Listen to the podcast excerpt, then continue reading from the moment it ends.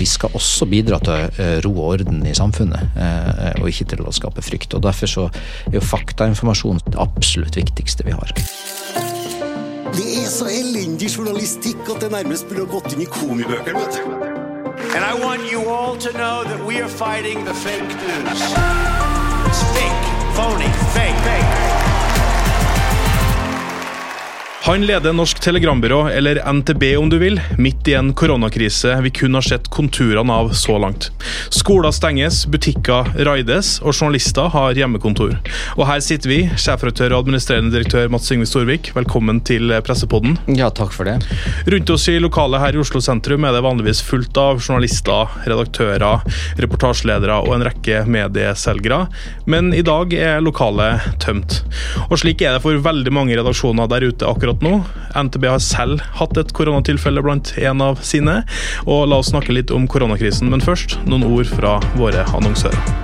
Pressepotten presenteres av Retriever, leverandør av medieovervåkning og medieanalyse. Kantar, landets største analysemiljø for medie- og forbrukervaner. Og Medier24 Jobb, landets største portal for ledige stillinger i mediebransjen.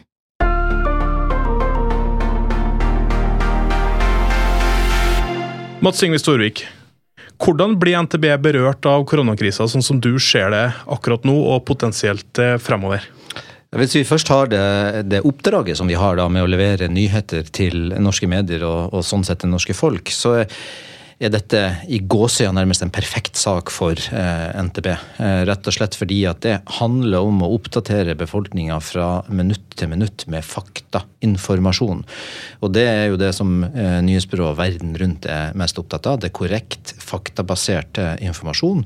Eh, og sånn sett så eh, er jo dette noe som treffer vår organisasjon på en måte som gjør at det er veldig godt innarbeidet i å levere på akkurat det. Hvor forberedt er man på altså nå, nå, Like før vi gikk inn i studio, nå, så sto Erna Solberg og fortalte hvor alle de vanvittige tiltakene de skal sette i gang, skoler stenges, alle de tingene der. Hvor, hvor forberedt er liksom NTB på en sånn krise som det vi skal er på vei inn i nå? Eh, jeg vil si veldig godt forberedt, fordi at vi, vi, er eh, vant til det fra dag til dag. Nå er det ikke kriser hver eneste dag, men med jevne mellomrom så skjer det jo kriser som vi må håndtere mens de pågår. Nå vil jeg vel si at denne krisen her har blitt større enn kanskje noen, iallfall jeg, hadde forutsatt eh, da de første tilfellene kom i Kina. Og kanskje liksom trakk litt, litt, for lett på skuldrene til å begynne med på at det var litt, litt opphausa her hjemme, og at det var litt for fete typer enkelte steder. Men det har jo vist seg at man er kommet i en situasjon hvor fete typer faktisk er helt på sin plass å ta frem. Mm. Bare for ordens skyld så vi, spiller vi inn altså nå torsdag ettermiddag. Mye kan jo ha skjedd liksom innen det øyeblikket man, man, hører på nå, men det er klart at eh, hvis du kan på en måte Vi, vi satt oppe og så på NRK sammen like før Viken her nå. Hva er det som på en måte gikk gjennom kroppen på deg når du hørte at Erna Solberg begynte å dro igjennom alle disse tiltakene? For meg så er dette, og jeg tror vi skal si et historisk øyeblikk i den tida som jeg har levd, som jo da er drøye 45 år. Eh, for jeg kan ikke huske noe tilsvarende som eh, har påvirka samfunnet så til de grader i Norge som akkurat det. Vi hadde svineinfluensaen i sin tid hvor folk ble massevaksinert. Eh, og man trodde at så mange som 13 000 kunne dø. Nå viste det seg at det ble 32. Så koronakrisen nok betydelig større enn det man frykta frykta den gangen med svineinfluensaen, og kanskje faktisk det som gjør at man tok litt sånn lett på det innledningsvis eh, eh denne gangen. Men jeg, jeg, har egentlig ingenting annet å sammenligne med enn som ikke påvirka befolkninga eh, på samme måte, men som kanskje var like sjokkarta. Det var den gangen kong Olav døde samtidig med Irak-krigen, eh, som vel var 17. januar i, i 1991. Da var jeg en relativt ung mann, 16-17 år, men den står liksom veldig sterkt i mitt minne eh, i, i, løpet av de årene jeg har levd, sånn, bortsett fra det som skjer akkurat nå. da. Nå, nå, altså, for pressen sin del, altså, folk er på hjemmekontor, mange er syke, mange er i karantene, mange har syke barn. og det gjør oss ekstra avhengig av NTB og nyhetsbyrået eh, som du leder. Hvordan skal dere møte den utfordringa som er på vei inn her nå? Først og fremst, og det har vi snakka veldig mye om og brukt mye tid på internt, så skal vi levere faktainformasjon som vi kan stole på. Eh, det er kanskje vår viktigste rolle akkurat nå. At vi ikke bidrar til å skape unødvendig frykt. Eh, det kan jo selvfølgelig være vanskelig i den situasjonen som samfunnet står oppe i nå. fordi nærmest hver eneste nyhet som kommer om at eh, en fotballkamp er avlyst, eller at skole stenges ned, eller at du ikke får lov å kjøpe mer enn én en pakke Paracet, bidrar jo isolert sett til å skape mer frykt i befolkninga. Likevel er det faktuell informasjon som vi mener er veldig viktig å få ut, og det skal vi være aller best på. Ikke spekulasjoner, ikke Eh, ikke folk som mener altfor mye om at det burde vært gjort slik og sånn. Mm. Og så har man, eh, altså Du er jo både eh, sjefredaktør og administrerende direktør, og har jo også behov for eh, og tenke over dine egne folk og litt den type ting også. Eh, hvordan er situasjonen for NTB i, i liksom dagens eh, på torsdag, for å si det sånn? Ja, så Denne uka som vi sitter og snakker nå, eh, når vi kommer til torsdag denne uka, så har jo det eskalert voldsomt i løpet av denne uka. Det vil helt sikkert eh, skje i løpet av de ukene som kommer også. For vår del så ble det ekstra dramatisk da eh, tidligere denne uka da det ble klart at en av våre medarbeidere på desken faktisk hadde vært i relativt nær kontakt med noen som har fått påvist smitten. Eh, og Da måtte vi jo iverksette tiltak umiddelbart. Nå har vi ikke fått den eh, endelige svaret på prøven der ennå. Den får vi i løpet av eh, det neste døgnet, eller noe sånt, så vi vet jo faktisk ikke om vedkommende er smitta. Men, men, det er klart at da slo det virkelig inn over oss hvordan vi er nødt til å håndtere det når det skjer. Så f.eks. at alle da som var i umiddelbar nærhet av denne personen da ble eh, ja, skal ikke bruke ordet beordra, men de ble iallfall bedt om å beholde, holde seg hjemme inntil situasjonen da er avklart. I tillegg så kom rådene fra FHI om å innføre hjemmekontor. Så det gjorde vi da parallelt, selv om de to tingene nødvendigvis ikke henger sammen. da. Men for å få ned antall personer på kollektivtilbud, trikk, buss osv. Og, så videre, og for å få færre folk i lokalene våre enn 100 personer. Eh, og nå er jo sågar 50 eh, det siste man har gått ut med. Så eh, det er ganske, det er ganske stille på havnelageret akkurat nå. Er dere, er dere rigga for en sånn type situasjon hvor at du både må ha en haug med folk hjemme, og så skal du drive en nyhetsoperasjon, vi skal kunne stole på det dere skriver og den type ting? Ja, det er vi. Og det, du sa det sjøl før vi gikk i studio her, at vi skal være glad vi lever i den digitale verden. Eh, og det, det, det, er jeg i denne situasjonen ekstremt glad for. Fordi at eh, alt, nærmest alt som vi bruker av eh, digitale hjelpemiddel, befinner seg oppe i skyen. Mm. Hele programvaren som brukes til produksjon av nyheter, f.eks., den, ligger, den ligger oppe i skyen og kan kobles på hvor som helst ifra. Så du kan si Den største utfordringa blir samhandlinga når man må sitte på hvert sitt nes. Men også der er vi veldig gode, fordi vi har brukt ulike eller, eller eh, type sjetteverktøy og sjettegrupper eh, i årevis, hvor vi samarbeider om saker som er under utvikling, enten det skjer noe på Stortinget, det er en ulykke som skjer, eller hva det måtte være. Så det ligger veldig i nyhetsbyråets natur. Så derfor så, så fungerer det veldig bra til tross for at nå sitter folk på hvert sitt nes og jobber. Ja, Dere har jo et kontor i Australia blant annet, som, ja. som jobber på natta. litt den type ting. Mm.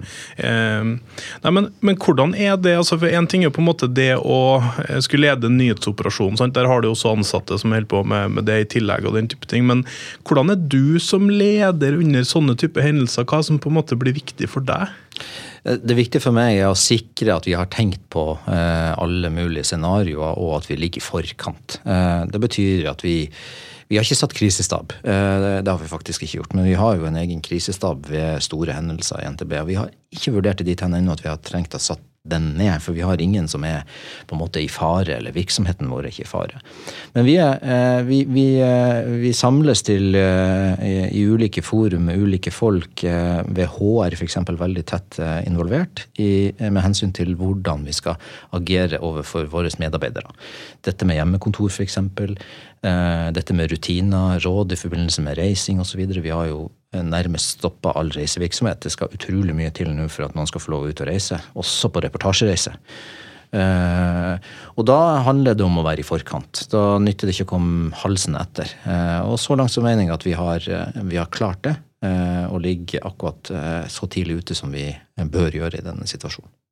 Vi ser jo, eh, For å gå inn i de, de redaksjonelle flatene, så Medieviter Tellef Robbe, som bl.a. har jobba med litt research eh, for meg tidligere, han har skrevet innlegg på, på Medie24 der han tar til orde for at media må være bevisst sitt språk og virkemidler.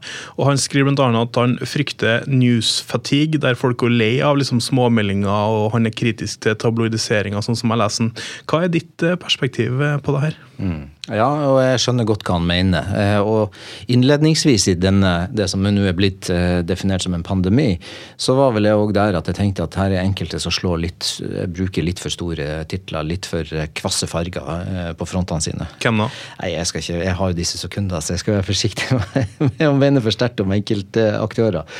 Men, men, men sånn personlig og, og, fra et redaktørståsted, og fra en redaktør som alltid har jobba i medier som, eh, som ikke er supertabloid, Um, så, så syns jeg at vi har til tider kunnet dratt det litt for langt og skapt angst i befolkninga pga. det. Nærmest eh, et push-varsel på hvert nye tilfelle av koronasmitte. Det syns jeg ble for mye. Så da sa vi, det sa vi f.eks. hos oss, at vi teller ikke lenger én og én eh, når dette tikker oppover. Nå er det en gang i døgnet om hvor mange nye smitta som er blitt, f.eks.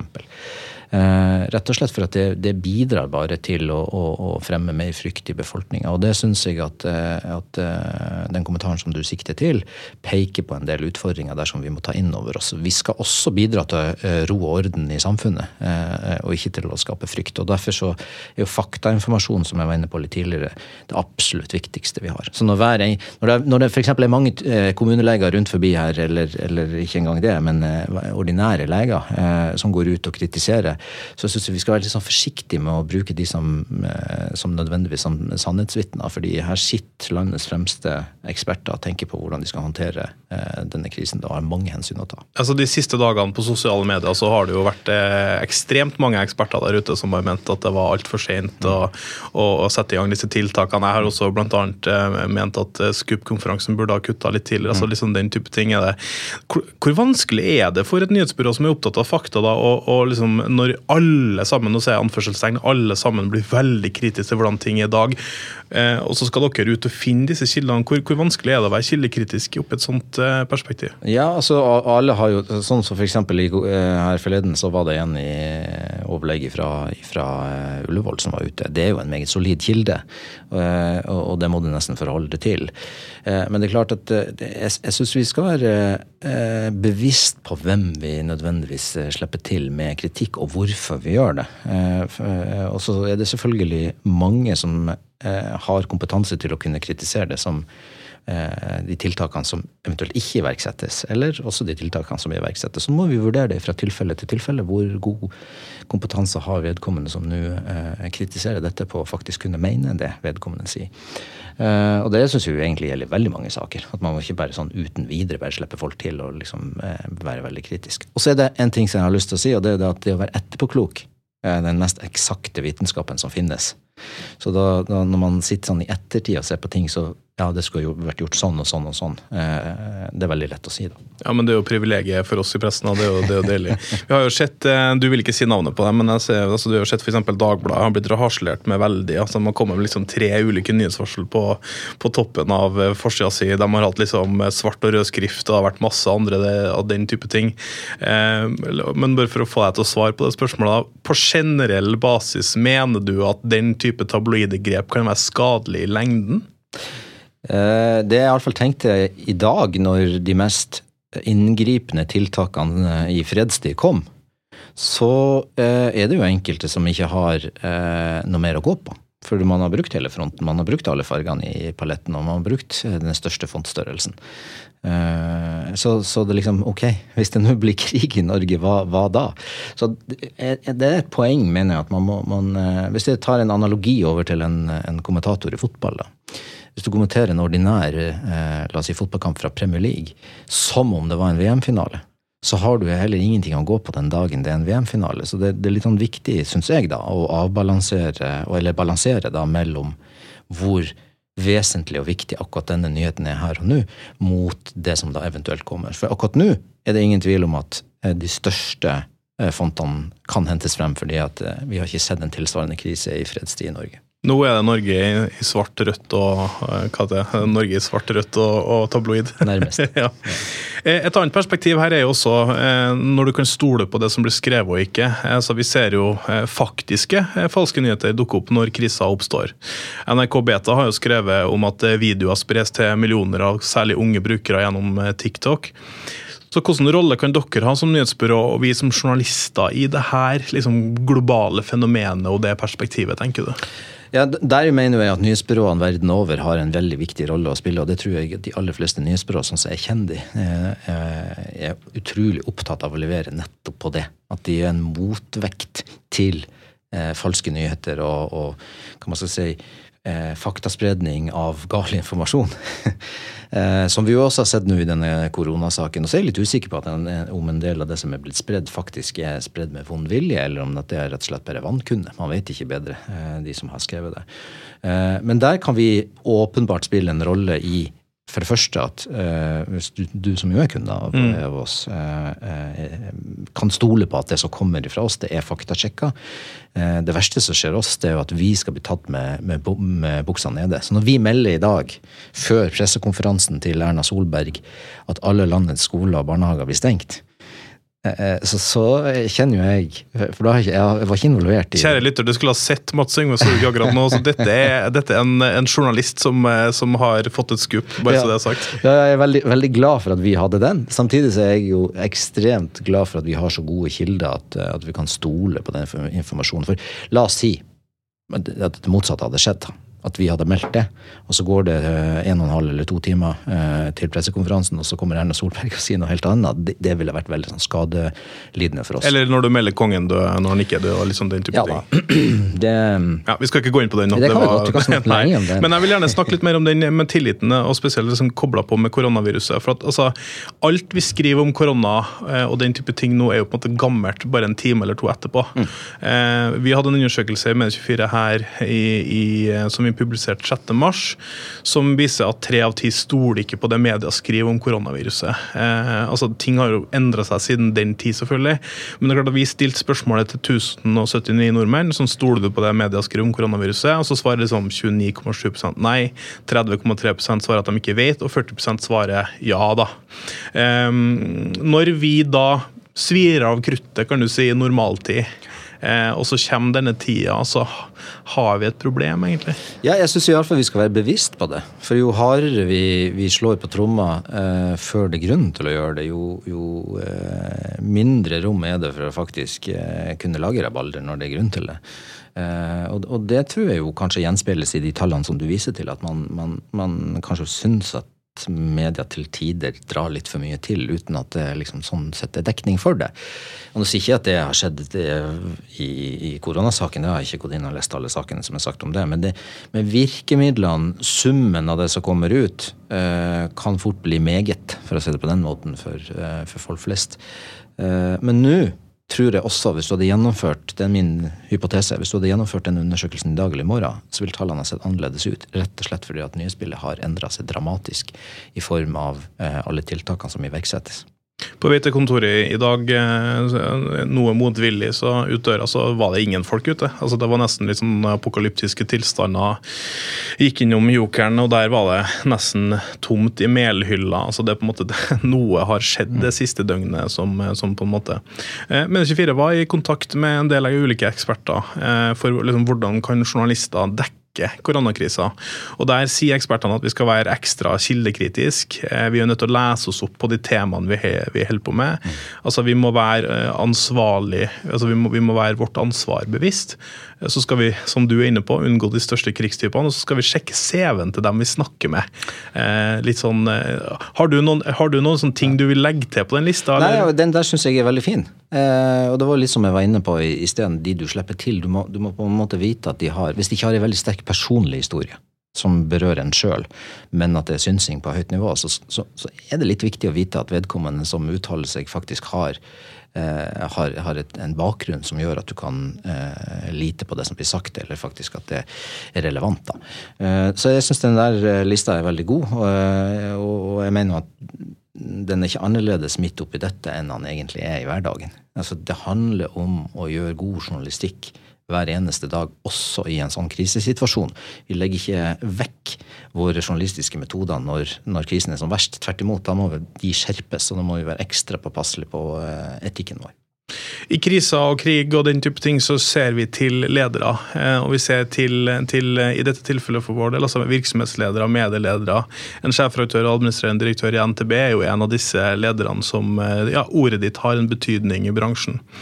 Hvordan vil du, sånn som du ser situasjonen i dag, da, torsdag 12. mars, hva vil du si til journalister der ute som på en måte er veldig usikre på den tida vi skal inn i? Eh, både liksom sånn redaksjonelt, altså Hvordan skal vi forholde oss til det som egentlig er i ferd med å materialisere seg foran oss? Ja, For det første så tror jeg bare at vi skal ta inn over oss alle sammen at vi står oppe i en ekstraordinær situasjon som kanskje de aller fleste journalistene som jobber i dag, aldri har vært borti. Uh, Iallfall ikke de yngste av de som uh, jobber. Ikke engang meg, som jo er i ferd med å bli en middelaldrende mann, har vært borti tilsvarende. Uh, og det, det, må man, det tror jeg vi skal ta inn over oss. at Når vi står i en sånn situasjon, så er det utrolig viktig at vi også har en opplysningsplikt og en informasjonsplikt i samfunnet i kraft av det samfunnsansvaret vi har. Og Da blir det ekstra viktig at det vi serverer faktisk er, som jeg har vært inne på eh, tidligere, er, er nøye sjekka, det er helt relevant, og det ikke eh, kommer ut nyheter som faktisk ikke er riktig. Eh, eller for den del noen som kan få lov til å bidra til krisemaksimering. Og så er det liksom der, ok, hva er det som bidrar til krisemaksimering, og hva er det som, som eh, ikke gjør det? Men det er vel sånn jeg skal ikke nevne noen navn nå heller, men enkelte finnes folk i helsevesenet faktisk som får lov til å uttale seg, som har en politisk agenda. Mm. Og, og, og, eh, Mats Gilbert i Rødt. Ja, der nevnte du ett navn. Og det tenker jeg at det, det må man være litt obs på. Eh, når man intervjuer folk, da. Altså, ok, Kan det være en politisk eh, eh tanke bak det som blir sagt? Og så håper jeg at de som er politikere i dag, de slår ikke munn på den situasjonen som er. og Det virker sånn ut fra det Erna Solberg sa på pressekonferansen i dag, at det er god dialog mellom, tverrpolitisk dialog rundt koronasaken. At man liksom legger ned eh, den politiske stridsøksa. Sånn som jeg leste nå, så sier du jo det at man, eh, at man er nødt til å holde egentlig den presseetiske fanen høyt. Mm. Eh, og da driver du meg egentlig over i det som på en måte, til tross for at vi har liksom apokalyptiske tilstander, og jeg sier det med anførselstegn for dem som eventuelt skulle bli irritert over det, så må vi også snakke om andre ting. Eh, og en av de som jeg har lyst til å snakke litt med om, er Resett. Mm. Her har jo jeg kommentert og ment eh, bl.a. at Helge Lurås er en aktivist som ikke bør inn i Redaktørforeninga. Eh, og så har jeg vært særdeles kritisk til Resett, bare sånn for eventuelle lyttere som ikke vet det. Det å holde fanen høyt, da Ja, jeg kan Resett være med å bidra til noe under koronakrisa, tenker du? Altså, jeg, for det første så mener jeg at alle som ønsker å være et, et massemedium eller framstå som en, en, nettavis, eller hva det skal være, eh, skal forholde seg til de presseetiske reglene som gjelder. Og Da er det to plakater. Det er redaktørplakaten og det er Vær varsom-plakaten. Det er liksom helt sånn grunnleggende sett eh, for meg. Og eh, Resett ønsker så vidt jeg forstår, å være det. Og så er jo spørsmålet om de etterlever det eh, slik det er i dag. Det eh, kan man jo synes og mene noe om. Hva mener du? Jeg, jeg, jeg, har faktisk ikke lest så mye av Reza at, at jeg kan gi et, et, bilde på det som er hva vi skal si, eh, helt, eh, helt, riktig over tid. Men det, men, men det, jeg kan si, det er jo at jeg syns at eh, noen av kommentarfeltene i Resett spesielt eh, er litt krevende å forholde seg til, fordi det kommer en del ytringer der, men det gjør det for så vidt også i andre medier òg. Eh, du, kan sikkert gå på et kommentarfelt i VG og finne omtrent akkurat samme type kommentar, men det bare det for meg er et prinsipp at det skal, eh, det skal redigeres i henhold til Vær. Det betyr at uten ugrunna opphold så skal altså en, en kommentar som strider mot presseetikken, fjernes. Og der der mener jeg jo at eh, kanskje et av de områdene som er ekstra viktig for Resett å være god på, eh, hvis de i det hele tatt ønsker å få innpass eh, i, i, det gode selskap, for å bruke det begrepet. Og så er det jo det som jeg tror du har eh, pekt på gjentatte ganger, det at du mener at det framstår mer som aktivisme enn heller enn en nettavis. Det skal ikke jeg ha for sterke meninger om, men det finnes mye historikk i Norge eh, på eh, publikasjoner som har hatt det utgangspunktet. Alt var definitivt ikke bedre før, ikke det vi eh, Og jeg har jo argumentert for at jeg tror at det, eh, det å eh, Hvis vi tar historien med Sørlandsnyhetene på, i Kristiansand, eh, så kan vi jo se hvor på en måte ille det kan gå når det gode selskapet bare sier at vi forholder oss ikke til dere. Vi vil ikke ha eh, deres meninger på trykk. Og der tror jeg til og med Eivind Jøstad har sagt at eh, at, at, det kunne vært håndtert på en annen måte. Mm, Sjefredaktøren i Fædrelandsvennen, for dem som ikke vet det. Mm. Uh, Eh, og, og, det er litt det som jeg er engstelig for med type Resett. det er at ok, Hvis vi bare liksom stenger de ute, så én, da får alle kritikerne rett i at såkalt MSN er et, et selskap som, som uh, er forbeholdt uh, de venstrevridde som ikke vil høre på noe som kommer fra den sida av, av politikken. Og to, så tror jeg at det gir bare grobunn for at det får vokse på uh, ukontrollert. Og det er vi ikke tjent med. Og da får du litt sånn det jeg har definert som svenske tilstander, uh, hvor, hvor, man på en måte ikke forholder seg til, til ytre høyre føy i politikken. Mm. og, og, nærmest ikke vil snakke med dem. med, med type Jimmy Åkesson, f.eks. Og, og, og, det tror jeg er mer uheldig enn å faktisk prøve å tenke som så at ok, jo, det er faktisk fint at vi har noen som har den innfallsvinkelen på et uh, spesielt sakskompleks, bare det gjøres i henhold til presseetiske uh, regler og normer, uh, også innenfor norsk lov, og som da kan redigeres etter Vær varsom-plakaten og redaktørplakaten, og det kan ettergås. Du har jo tatt til orde for at de skal slippe inn i Redaktørforeninga. Sånn som jeg har lest deg, så er det fordi at du ønsker at de da kan reguleres sånn som alle andre er med i Pressens faglige utvalg og, og den type ting. Mm. Men det jeg vil spørre deg om, er, for du har eh, altså eh, dine ansatte i NTB, eh, som jo har en veldig eh, tydelig eh, også klubb eh, i, i nyhetsbyrået. Jeg har sagt at De frykter at kunder som Resett vil kunne rive ned troverdigheten til journalistikken deres. Hvordan forholder du deg til det? Ja, vi har, jo, vi har, jo, forholdt oss til dette over ganske lang tid. for Dette har jo vært en debatt som eh, om ikke har vært oppe hver eneste uke, så har den i hvert fall vært levende over lang tid. Eh, og det tar jeg på alvor. Det største alvor at våre journalister eh, rapporterer tilbake at de kan finne det ubehagelig. Ikke nødvendigvis at artikkelen står på trykk hos Resett, men eh, at i kommentarfeltet så, så, har det skjedd at de, det kommer negative kommentarer om journalisten, f.eks. Um, Eh, vi har bl.a. innført en, en, retningslinje internt som handler om netthets. Ikke bare med bakgrunn i, i Resett, men også andre typer tilfeller som vi har opplevd, slik at de skal være sikre på at vi ivaretar dem på en god måte hvis det skulle komme type netthets. Eh, vi har også vært i dialog eh, hele veien på, unnskyld, på hvordan vi skal forholde oss til, eh, til, den type kunder. For det her, det her, er en kunde som er satt veldig sånn på spissen. Og utgangspunktet for at det blir satt veldig på spissen, er jo for at NTB leverer, som de aller fleste nyhetsbyrå, også til kunder som ikke nødvendigvis er en mediebedrift. Ja, Kommersielle, ikke-redaksjonelle kunder, ja, den type ting. Ikke sant. Og det og nå, nå skal dere levere til DNB Nyheter, f.eks.? Ja, og vi kunne jo latt være å gjort det, men det vil, det vil faktisk ha vært litt kritisk for, for nyhetsbyrået sånn, eh, inntektsmessig. Men når journalistene sier at de frykter at du river ned troverdigheten, da, altså da, da, tenker jeg at eh, du er både sjefredaktør og administrerende direktør, mm. men er det liksom administrerende direktøren som vinner, da? Nei, eh, det er det jo i og for seg ikke. fordi at eh, hele grunnlaget for at vi gjør det, eh, selv om det handler om økonomi, men så er det jo for at vi skal kunne levere en god redaksjonell tjeneste. Og da er det redaktøren som snakker. Fordi at vil ha, Det ville vært krevende for oss hvis vi, vi, vi snakker om inntekter på sånn pluss-minus 17-18% av det vi omsetter for på, på nyhetstjenesten vår. Hvis vi hadde bare satt et pennestrøk over det, så er det klart at da ville det ha ført til én færre journalister to, en dårligere tjeneste. Og dermed så oppfyller vi ikke det som sjefredaktøren ønsker at vi skal oppfylle. Så det er, liksom, det er to sider av samme sak, og en, en, en viktig balansegang. Så den ene sida av det, også, som er forretningsmessig opp mot det redaksjonelle vi leverer. Men så har du i tillegg det prinsipielle i det, hvor jeg syns at det, eh, hvis vi skal være kall det smakspolitiet i Norge, så er det litt da, det, det fører galt av sted. Eh, vi skal kreve av kundene våre at de leverer på de premissene som vi har sagt at de skal levere på, med hensyn til vårt stoff. Det er det viktigste. Eh, din nyhetsredaktør Sara Sørum har uttalt i blant annet en, en, debatt som jeg var med med Helge Lurås, at Resett er en av deres mest krevende kunder. Kjenner du deg igjen i det? Ja, altså isolert sett så er jo ikke Helge Lurås han står ikke og knakker på døra mi hver eneste dag. Så, så, sånn sett er det jo ikke spesielt krevende. De betaler når de skal betale og alt det her.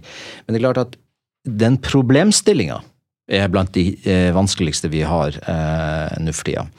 Eh, rett og slett fordi at her er utrolig mange hensyn ute og går. Det er hensyn til eh, våre ansatte, våre medarbeidere som eh, jobber og leverer hver eneste dag, som er veldig opptatt av dette temaet. Det er hensynet til ytringsfriheten. Det er det forretningsmessige oppi det hele. Det er at vi er i en monopolsituasjon. Vanskelig å liksom bare si at ja, men sorry, den kunden leverer vi ikke til. Vi leverer til dokument.no. Det er jo kanskje Helge Lurås sitt viktigste ankepunkt mot oss, at han mener at det blir en konkurransevridning mellom dokument.no og og, og Resett. Mm. Mm, og det har også vært en, det har vi også med 24 skrevet om at det har vært utfordringer også med oppimot eh, dokument og den type ting. og vært kontakt hvor de må endre eh, saker, liksom den type ting. Vi skal ikke gå inn i, i, i Men det gjør jo faktisk også til Det, det har vi gjort til helt ordinære kunder òg, Mm. bare så det er sagt. Sånn at man ikke glemmer det perspektivet at det skjer faktisk av og til i det daglige med en helt ordinær kunde. Og for ordens skyld, eh, altså Helge Lurås var jo i første episode av eh, Pressepodden, hvor han bl.a. sa at eh, det veldig mange sier om Resett, er at de, de kritiserer dem for å ha et ja, skittent kan du si da, eh, kommentarfelt, men at de jobber konsekvent med å bli bedre på presseetikken, og henta inn bl.a. en som har bakgrunn fra VG, som redaksjonssjef, Lars Akerhaug der. Ja. vi, vi driver jo faktisk og spekulerer på nå om vi skal lage et kurs i presseetikk for våre ikke-redaksjonelle kunder. eh, Hvor vi også kommer til å ha, eh, invitere Resett. Rett og slett fordi det, det er interessant at de har en økt bevissthet, de som mottar vårt stoff og publiserer det, som, som ikke er definert som, eh, som media i ordets rette forstand.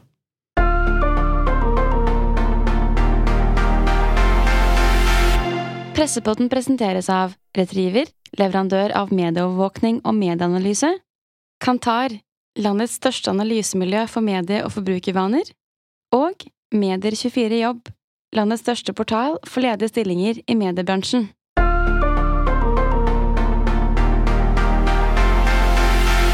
Vi må snakke om litt andre ting også. For for kort tid siden så, var det, så, så vi at det australske nyhetsbyrået AAP de legges ned, og flere hundre mister jobben. Hvordan vil du karakterisere fremtida for eh, nyhetsbyråene? Den Framtida kan være litt dyster hvis man eh, setter seg ned og snakker med nyhetsbyråer verden over, og det gjør vi innimellom. Vi har, vi har eh, to eh, årlige konferanser, eller en, en samme type konferanse to ganger i året, der vi møtes fra hele verden. Og da, er, da Sist så var jeg faktisk i Australia, hos AEP. eh, Det var de som arrangerte konferansen. Og når jeg satt og hørte på eh, alle innleggene der, så tenkte jeg oi, jeg bør legge ned. Eh, Fordi at rundt om i verden så er den store utfordringa at de får én, færre abonnenter. Rett og slett fordi at den, det, det, det mediekrisa. Den er enda større i andre land enn den er i Norge. To, den digitale økonomien er helt annerledes enn papirøkonomien var. Og det er også en, en utfordring overfor mediebyråene. Og kanskje enda større utfordring utafor Norge, fordi at det er mindre eh, digitale forretningsmodeller sånn som vi har i Norge. Altså det er mye mer åpent innhold. Slik at innholdet konsumeres eh, på en helt annen måte, og det blir spredd i sosiale medier på en annen måte osv. Så videre. sånn at eh, mine kolleger rundt i Europa for så vidt hele verden har vært veldig opptatt av at EU må i sitt opphavsrettsdirektiv må stille krav til type Facebook, Google osv. om at de er nødt til å betale sin andel for å bruke det innholdet. Men i Norge, og i Norden kanskje spesielt, eh, nei, i Norden og Norge spesielt, så eh, så ser det litt bedre ut. Og det, det er litt artig å faktisk møte mine kolleger rundt om i verden, fordi at eh, vi har hatt, vi har hatt økonomisk framgang de siste tre årene. Og det er litt spesielt i nyhetsbyråverdenen. Altså, bare for din egen del, altså NTB har hatt en omsetningsøkning på 60% siden 2010. Hvis du liksom regner det siste rapporterte tallet som var i 2018. Og vi, du går sikkert og vet tallet for 2019, men vi vet jo ikke det. Men hvordan vil du på en måte si statusen er for deres del, eh, sånn bærekraftig eh, messig, for å si det sånn? Ja, vi hadde 7 eh, vekst i inntektene i fjor, sammenligna med året før. Eh, Og på enkelte områder, Vi har tre områder vi leverer på. Det er nyheter, og det er foto og video, og det er det siste som vi kaller for partner, som er mer sånn partnertjenester. da, Blant annet med pressemeldingstjeneste, eh, vi leverer sportsdata. Så hvis du ser liveskåringer på telefonen din, så er det levert stort sett av NTV. Og det siste området der vokste med nesten 30% i fjor. Eh, Og det er jo for det første så har min forgjenger eh, Pål Bjerketvedt han, han eh, hadde en strategi fra 2003-2004 på å begynne å kjøpe opp ny virksomhet som eh, skulle danne et kringvern rundt kjernen av NTB. Det har vi videreutvikla nå, og det har vært en, en suksess for NTB å få flere bein å stå på, som gjør at nyhetene fortsatt eh, kan levere sånn som de gjør i dag. Hvis vi, hvis vi ikke hadde hatt det, så hadde det vært, det hadde knaka i skottene, for å si det sånn, eh, for å klare å få det til. Ja, hvordan hadde nyhetsbyrået sett ut da? Nei, det, det, det, hvis du hadde fjerna de, de områdene i NTB som, som på en måte er vår melkeku, eh, så tror jeg at vi hadde fått spørsmål kan vi levere 24-7. Altså, Kan vi ha en, en tjeneste midt på natta?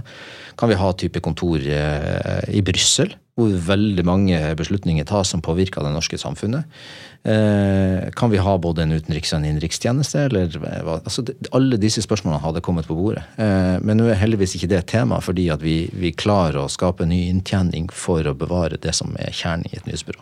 Du var litt inne på det med, med nyhetsbyråene som mista abonnenter. liksom den type ting. Vi har jo sett et uh, Amedia i Nordlys som har valgt å kutte ut NTB, bl.a. blant annet for at de mener at det én er for dyrt, to ikke er relevant nok. Eh, I en tid hvor man er opptatt av brukerbetaling, egenjournalistikk som skal bære det, liksom den type ting, blir du litt bekymra når du ser store kunder forlate dere på den måten?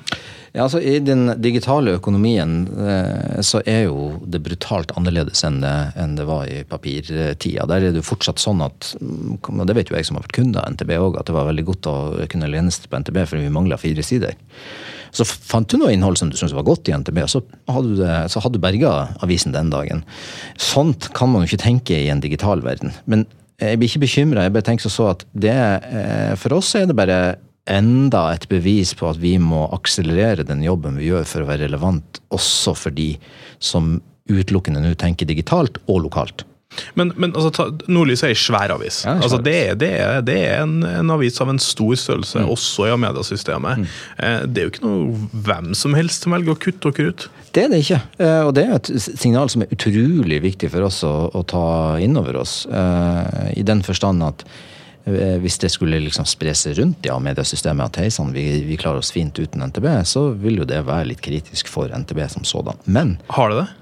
Nei, Foreløpig så har jo ikke det, men jeg, jeg velger å se det istedenfor å ha liksom den defensive holdninga på det. Så har, så har dette faktisk eh, gjort at det skyter fart i utviklingsprosjektene vi holder på med. Sånn at vi kan tilby de stoff som er kjempelokalt. For det er jo det som er strategien til Amer. Ja, for det er jo det, det er jo oppfølgingsspørsmålet her. Altså, en ting er at du kan liksom sitte i båten og, og, og vente på at eh, og, altså Vi håper at dette går over. på En måte. En annen ting er å møte det med innovasjoner, møte det med tjenester. Liksom, den type ting. Og Det er liksom, det er liksom interessert i å høre på hva du sier. for noe, fordi eh, Men24 har jo skrevet annet om at eh, NTB skal lansere Tinder for nyheter. det var litt sånn, Hvor du kan swipe Ja, ja. for å få nyhetene. Eh, fortell litt om de tjenestene dere jobber med for å bli relevant igjen. Den håper jeg at vi på et eller annet tidspunkt skal få på plass, og vi er kanskje nærmere nå enn vi var den gangen eh, dere skrev om det. Men, men eh, en lokalavisredaktør Nå har vel A-media over 80 lokalaviser nå etter de siste oppkjøpene. Eh, pluss at vi har Polaris som en stor aktør på, på lokale medier, og i tillegg til alle de andre som finnes der ute. Så det, at det er en mellom 150 og 200 lokale medier i Norge. Det kan det kan sikkert være hvis man ser eh, nøye etter i tallene. Og det er klart at de, de varierer fra Fosna-folket til Nordlys, da. Eller eh, hvis du regner Fedrelandsvennen som en lokalavis, til Adressa. Som har helt ulike behov. Det er jo fullstendig uinteressant for Adressa om vi skulle skrive om boligprisutviklinga i Bærum. Eh, Men det ville være veldig interessant for Adressa om de faktisk fikk en artikkel som, som handla om boligprisutviklinga nasjonalt, men var tilpassa hvordan det faktisk skjer i Trondheim også. Hvor du kanskje kan gå inn og se liksom, hvordan, hvilke gater i Trondheim er det som er dyrest akkurat nå. Da begynner du å snakke en relevant tjeneste også for lokalavisene. Så det er i den retninga vi går på veldig mange områder. Og i det perspektivet, hvis du da, eh, unge Våtland, eh, kan sitte her, så får du så viser telefonen til dere som ikke ser det, det er jo radio. Eh, Så får du et push-varsel her eh, som forteller at eh, A-media, for å bruke det som du kunne være interessert i, A-media kjøper nok en avis. Mm. Eh, Melding fra NTB. Og så står det 'Vil du publisere, eller vil du ikke?' Og eh, for å bruke Tinder-språket, så drar du da enten til høyre eller venstre da, for om du vil publisere. Jeg tror det til høyre, jeg er ikke Ja, jeg, er ikke så god på det. Men, men eh, uansett, da, eh, da kan det gå direkte ut på din side. Og du, du kunne sågar være i et bryllup og, og fått det push-varselet der, og så fikk du det ut. Hvis vi klarer å komme i så tett interaksjon med alle kundene vi har, da blir vi enda mer relevante enn i dag. Og det begynner vi å nærme oss. Hele døgnet, altså at, man, at det, det er mulig å få til den type ting. Hele døgnet. hele døgnet. Men hvilke andre, altså er det, en, det, det, det er jo, altså Kritikken fra Nordlys var at, man, at det liksom ikke er relevant. så Dette er jo en relevant tjeneste.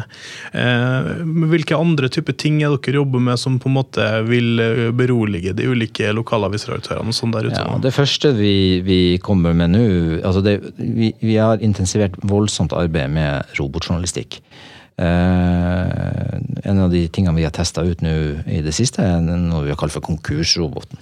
Det kommer jo tall fra Brønnøysundregisteret hver uke på hvilke bedrifter er det som går konkurs. Det kan vi jo dra ned til, til eh, et helt lokalt område. Eh, og de som har nå mottatt dette i testfasen syns jeg det er helt strålende å få veldig lokal informasjon om at snekker Olsen på, på hjørnet har gått konkurs. Det er kanskje for tredje gang han går konkurs. Det er åtte ansatte som mister jobben, bla, bla, bla. Eh, og så kan de velge sjøl om de vil gå videre på den saken, for å nevne ett eksempel. Og vi leter jo etter område etter område etter område nå hvor det går an å gjøre det på den måten. Sånn at du får Det blir mer og mer automatisert, men det blir ekstremt relevant. Så, kom, så jobber vi også for å se hvordan kan vi hekte grafikk på dette. Vi har jo, vi har jo et miljø hos oss som, som jobber med grafikk, som heter Nyhetsgrafikk.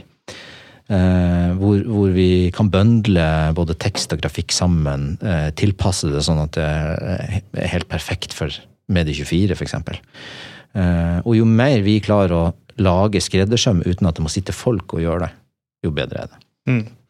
Vi, vi, har vært eh, innom alt fra koronakrisen til innovasjoner. Vi har snakka om presseetikk, har snakka om Resett. Altså vi har snakka om eh, mange ulike temaer her. Eh, så får vi jo se, da, Mats Yngve Storvik, om vi fremdeles kan Om vi får tida til å jobbe med å utvikle produktene videre, eller om ja, hva som skjer, vi vet jo ikke. Vi vet jo ikke hva koronakrisen kan, kan by på. Jeg har du noen siste ord til slutt, midt i denne apokalyptiske tida vi er i?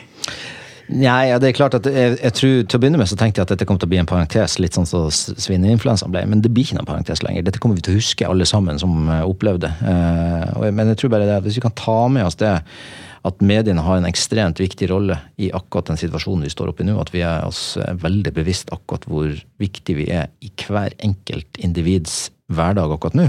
Så er det kanskje det viktigste budskapet fra meg. Hold fanen høyt der. altså. Takk for at du kom i studio, Mats Yngve Storvik i NTB. Og takk for at du lytta til pressepodden fra Medie24. Redaksjonen består av eh, Eira Li Jord, Jan Magnus Weiberg Ørdal, Ole Alexander Saue og meg, Erik Vatland. Det var det vi rakk denne gangen. Takk for at du lytta, og kanskje vi høres igjen.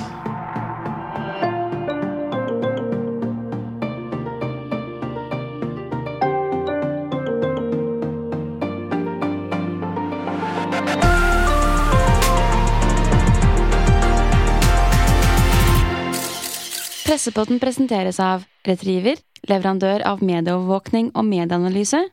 Kantar, landets største analysemiljø for medie- og forbrukervaner. Og Medier24 Jobb, landets største portal for ledige stillinger i mediebransjen.